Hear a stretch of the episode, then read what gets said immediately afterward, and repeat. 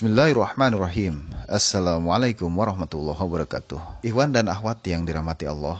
Pada kesempatan ini saya akan menjelaskan mengenai klasifikasi hadis ataupun pembagian hadis. Sebetulnya materi ini telah saya sampaikan pada pertemuan yang telah lalu, namun pada kesempatan ini saya akan menambah beberapa detail yang belum saya sampaikan pada pertemuan sebelumnya. Tapi secara keseluruhan, materi yang disampaikannya sama.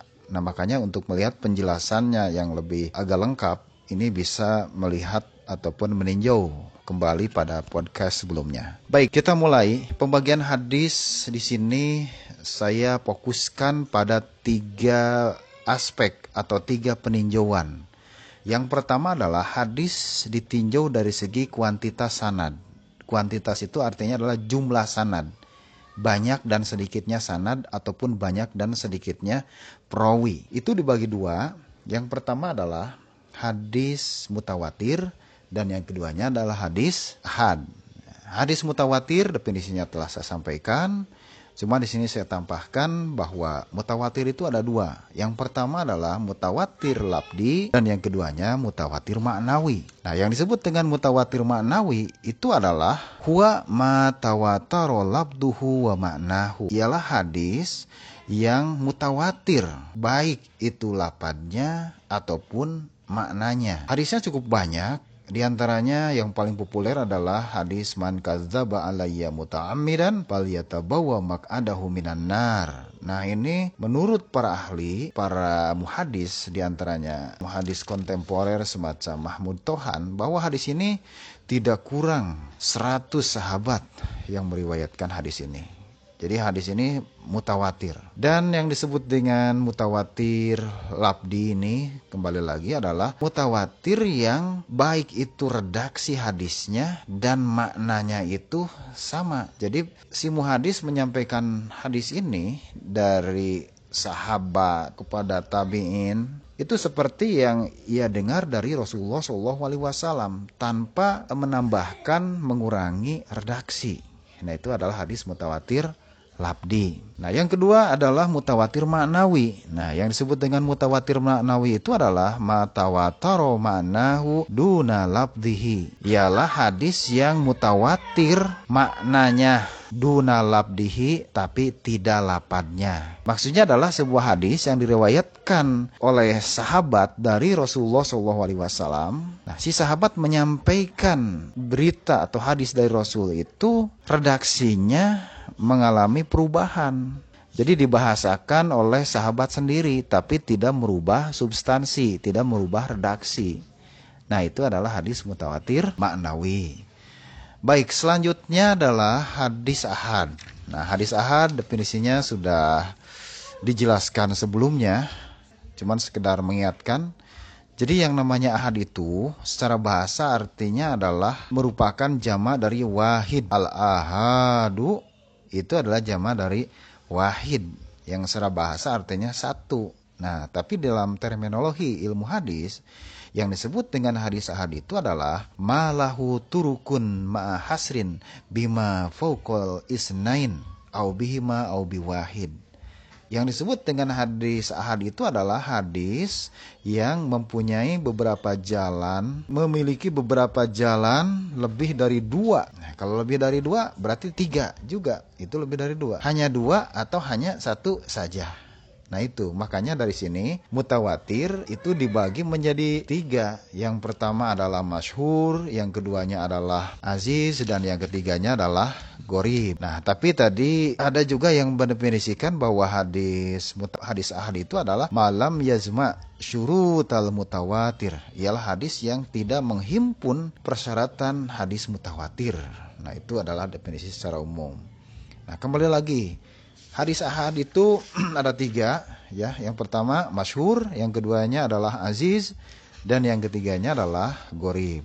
Yang disebut dengan masyhur itu adalah marwahu salah satun pa'aksaro walam yablug haddal haddat tawatur. Ialah hadis yang diriwayatkan oleh salah satun tiga Pa'aksaro atau lebih walam yablug haddat tawatur tapi tidak mencapai derajat mutawatir. Nah itu. Nah makanya dari situ bisa kita pahami bahwa jika sebuah hadis itu diriwayatkan tiga jalur, nah itu adalah masyhur. Nah, adapun yang disebut dengan gorib itu adalah hadis yang diriwayatkan melalui dua jalur. Makanya didefinisikan al-aziz itu adalah mayarwihi isnani anil anisna ini. Ialah hadis yang diriwayatkan oleh dua orang dari dua orang. Nah, dan yang ketiganya adalah hadis gorib. Nah, kalau gorima adalah mayan faridu biriwayatihi rawin wahid. Ialah hadis yang diriwayatkan oleh seorang rawi. Artinya hanya eh, satu jalur saja. Dan perhitungan mutawatir, masyur, ajiz, gorib itu adalah dilihat dari rawi sahabat. Karena boleh jadi dari sahabatnya satu tapi ke bawahnya misalkan ada tu, mencabang menjadi tujuh tetap saja dia dikatakan had dikatakan gorib sekalipun ke bawahnya banyak. Nah jadi perhitungan ini itu harus dilihat dari perawi sahabat ya. Jadi kalau dilihatkan oleh katakanlah 10 sahabat nah itu mutawatir karena kaitan dengan mutawatir ini memang para ulama memiliki berbeda pendapat mengenai batasan jumlahnya itu ya. Cuman yang al-akhtar itu yang terpilih itu adalah 10. Sekalipun faktanya suatu hadis yang diriwayatkan oleh lima sahabat ya, itu dikategorikan juga sebagai hadis mutawatir ya. Baik, yang kedua adalah mengenai pembagian hadis yang kedua adalah hadis ditinjau dari segi kualitas grade ya. Nah, ditinjau dari segi kualitasnya, hadis itu ada dua secara umum ya. Yang pertama adalah hadis makbul, artinya adalah hadis yang diterima.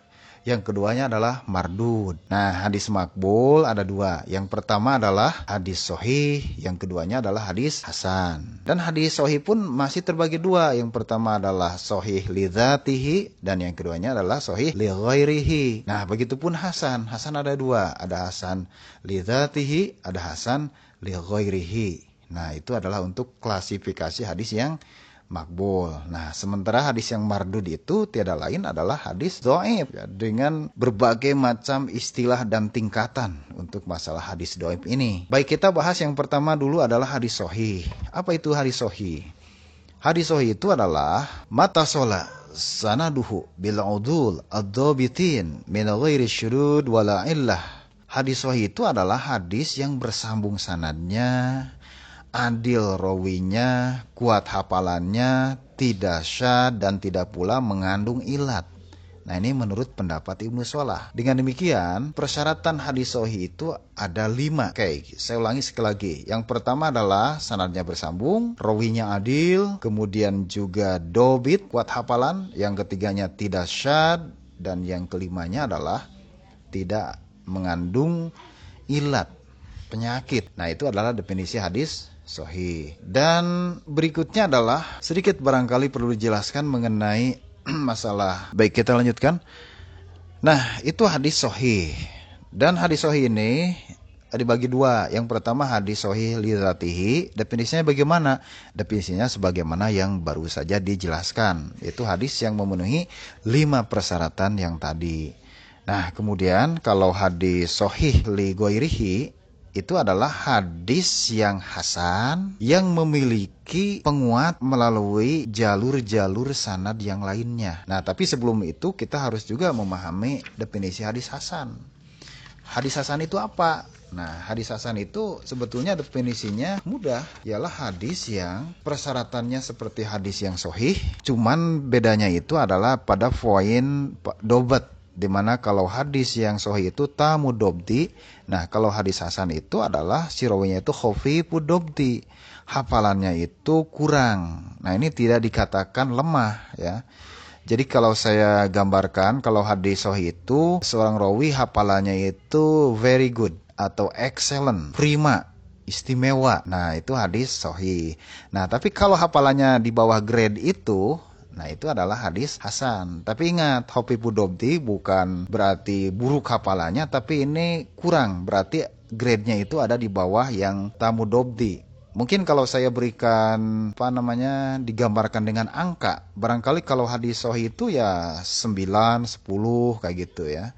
Nah, sementara kalau hadis hasan itu di bawah apa 8 atau mungkin 7. Nah, kayak gitulah kurang lebih. Nah, itu hadis hasan. Jadi hadis hasan itu pada dasarnya sama syaratnya dengan hadis sahih bersambung sanadnya kemudian kemudian juga adalah adil tidak ada syad tidak ada ilat cuman bedanya adalah dalam hafalannya itu khofi pudobdi hafalannya kurang. Baik, kita kembali lagi ke pembagian hadis. Hadis sahih itu tadi adalah sekali lagi ada dua, sahih li dzatihi, yang keduanya hadis sahih li ghairihi. Hadis sahih li dzatihi syaratnya adalah seperti yang tadi dijelaskan, yaitu memenuhi lima syarat. Nah, sementara kalau hadis sahih li ghairihi adalah hadis yang hasan ya, tapi memiliki banyak jalan. Nah, sehingga saling menguatkan satu sama lain. Nah, ketika hadis hasan itu jumlahnya banyak, maka derajatnya menjadi naik, yaitu menjadi hadis sohih. Cuman sohihnya itu li karena faktor banyaknya jalan. Kemudian yang keduanya adalah hadis hasan. Nah, hadis hasan itu definisinya tadi sudah saya jelaskan dan pembagiannya ada dua. Pertama hasan lidatihi, yang kedua hasan liwairihi. Hasan lidatihi definisinya adalah yang tadi, yaitu yang sama dengan sahih cuman dalam segi dobat itu khofif kurang ya. Nah, sementara kalau hadis hasan uh, li ghairihi adalah hadis yang sanadnya terdapat orang yang tidak diketahui keadaannya, tidak dapat dipastikan kelayakannya, tapi dalam hal ini ya bukanlah rawi yang lalai, yang banyak salah. Kemudian tidak nampak perbuatan yang menyebabkan kepasikan dan matan hadisnya dibantu oleh riwayat yang lain. Nah, itu uh, menurut satu kaul Nah, sementara dalam kaul yang lain yang disebut dengan hadis hasan itu adalah al hadisud dhaif idza ta'addadat turukuhu walam yakun sababu dha'fihi fiskur rawi au kidbuhu au ala ya'dudu birawin mu'tabarin min mutabi'in au syahidin palaulahu lastamarrat sifatu do'fi fih. Nah, yang disebut dengan hadis hasan li adalah hadis do'if apabila memiliki banyak jalan dan penyebab kedoipannya itu bukan karena kepasikan atau karena perawinya itu dusta. Kemudian dibantu oleh perawi-perawi yang mutabar, baik merupakan mutabi ataupun syahid. Kalau tidak dibantu, maka sifat doib itu tetap melekat pada hadis itu. Nah, jadi kalau hadis Hasan Ligohri ini singkat kata adalah hadis yang doib Cuman kedoipannya itu bukan karena faktor adalah, bukan karena faktor keadilan, bukan karena bukan karena faktor perilaku, karakter, tapi lebih disebabkan oleh hafalan. Hafalannya itu katakanlah buruk, tapi ini memiliki penguat lewat jalur-jalur hadis yang lain. Nah, itu adalah hadis Hasan li wairihi. Baik, untuk selanjutnya dan ini adalah yang terakhir adalah pembagian hadis ditinjau dari penisbatan matan. Nah, ini sebetulnya sudah dijelaskan, cuman baik saya ulas sedikit saja. Jadi hadis ditinjau dari segi penisbatan matan itu ada ada empat. Yang pertama adalah hadis marfu. Hadis marfu itu hadis yang matannya dihubungkan kepada Nabi Shallallahu Alaihi Wasallam, baik itu secara eksplisit ataupun secara implisit, baik itu secara tegas, ya, ataupun secara implisit eh, apa hubungannya itu. Nah itu hadis marfu. Nah, jadi misalkan suatu hadis yang tegas-tegas matannya dikatakan oleh Rasulullah, kola Rasulullah Shallallahu Alaihi Wasallam. Nah itu hadis marfu atau kanan Nabi Sallallahu Alaihi Wasallam. Nah maka simatan itu dihubungkan kepada Nabi Sallallahu Alaihi Wasallam. Jadi yang mengatakan matan ataupun yang melakukan ya sesuai dengan hadis tersebut itu adalah Rasulullah Shallallahu Alaihi Wasallam. Nah itu adalah hadis yang marfu. Nah dan yang keduanya adalah hadis maukub. Nah kalau hadis maukub mah adalah hadis yang matannya dihubungkan kepada sahabat. Jadi ini bisa dikatakan hadis yang merupakan perkataan atau perbuatan sahabat. Nah, ini namanya hadis mauku. Dan yang ketiga adalah hadis maktu. Nah, kalau hadis maktu itu adalah hadis yang matannya dihubungkan kepada tabi'in. Jadi bukan perkataan atau perbuatan Rasul, bukan perbuatan sahabat. Tapi ini adalah perkataan, perbuatan, pendapat tabi'in. Nah, itu adalah dikatakan sebagai hadis yang maktu. Dan yang ketiganya adalah hadis kudsi. Nah, hadis kudsi itu adalah hadis yang matannya dihubungkan kepada Allah Subhanahu wa taala. Nah, jadi dalam hal ini Rasulullah SAW pun tidak berkata langsung dari dirinya melainkan beliau pun menghubungkannya menisbatkannya kepada Allah Subhanahu wa taala. Nah, ini adalah hadis yang hadis kursi. Namun demikian, hadis kursi itu sekalipun matanya dihubungkan kepada Allah Subhanahu wa taala, tapi tetap saja secara kualitas tidak menjamin eh, sohih. Ada juga yang doib, ya seperti hadis-hadis pada umumnya. Jadi ada yang sohih, ada yang doib, hadis kudsi juga. Nah, itu adalah pembagian hadis. Baik, sekarang saya barangkali ulas kembali eh, kesimpulannya secara garis besar. Jadi macam-macam hadis itu ditinjau da, ditinjau dari tiga aspek. Yang pertama dari segi kuantitas itu dibagi dua. Pertama adalah hadis mutawatir, yang keduanya adalah hadis ahad. Yang mutawatir ada dua, ada mutawatir labdi dan ada mutawatir maknawi. Nah, yang kedua adalah hadis ahad. Nah, hadis ahad ini dibagi tiga. Yang pertama adalah masyhur, yang keduanya adalah aziz, dan yang ketiganya adalah gorib. Baik, untuk selanjutnya yang kedua, hadis ditinjau dari segi kualitas. Nah, ditinjau dari segi kualitas itu ada dua. Yang pertama adalah hadis makbul dan yang keduanya hadis mardud. Yang makbul dibagi dua. Yang pertama adalah sohih dan sohih pun dibagi dua. Ada sohih lidhatihi, ada sohih li ghairihi. Dan yang kedua hadis makbul itu adalah hadis hasan. Hadis hasan pun dibagi dua. Ada hadis hasan lidhatihi, ada hadis hasan li ghairihi. Dan yang terakhir, yang ketiga adalah hadis ditinjau dari segi penisbatan matan. Nah ini dibagi empat. Yang pertama saya urutkan aja dari yang teratas hadis kudsi. Yang keduanya adalah hadis marfu. Yang ketiganya hadis maukub. Dan yang terakhir yang keempat adalah hadis maktu. Nah itu adalah resume untuk pembagian hadis. Ya, sepertinya itu yang bisa saya sampaikan. Semoga bermanfaat dan insya Allah kita ketemu dalam episode ataupun bahasan selanjutnya.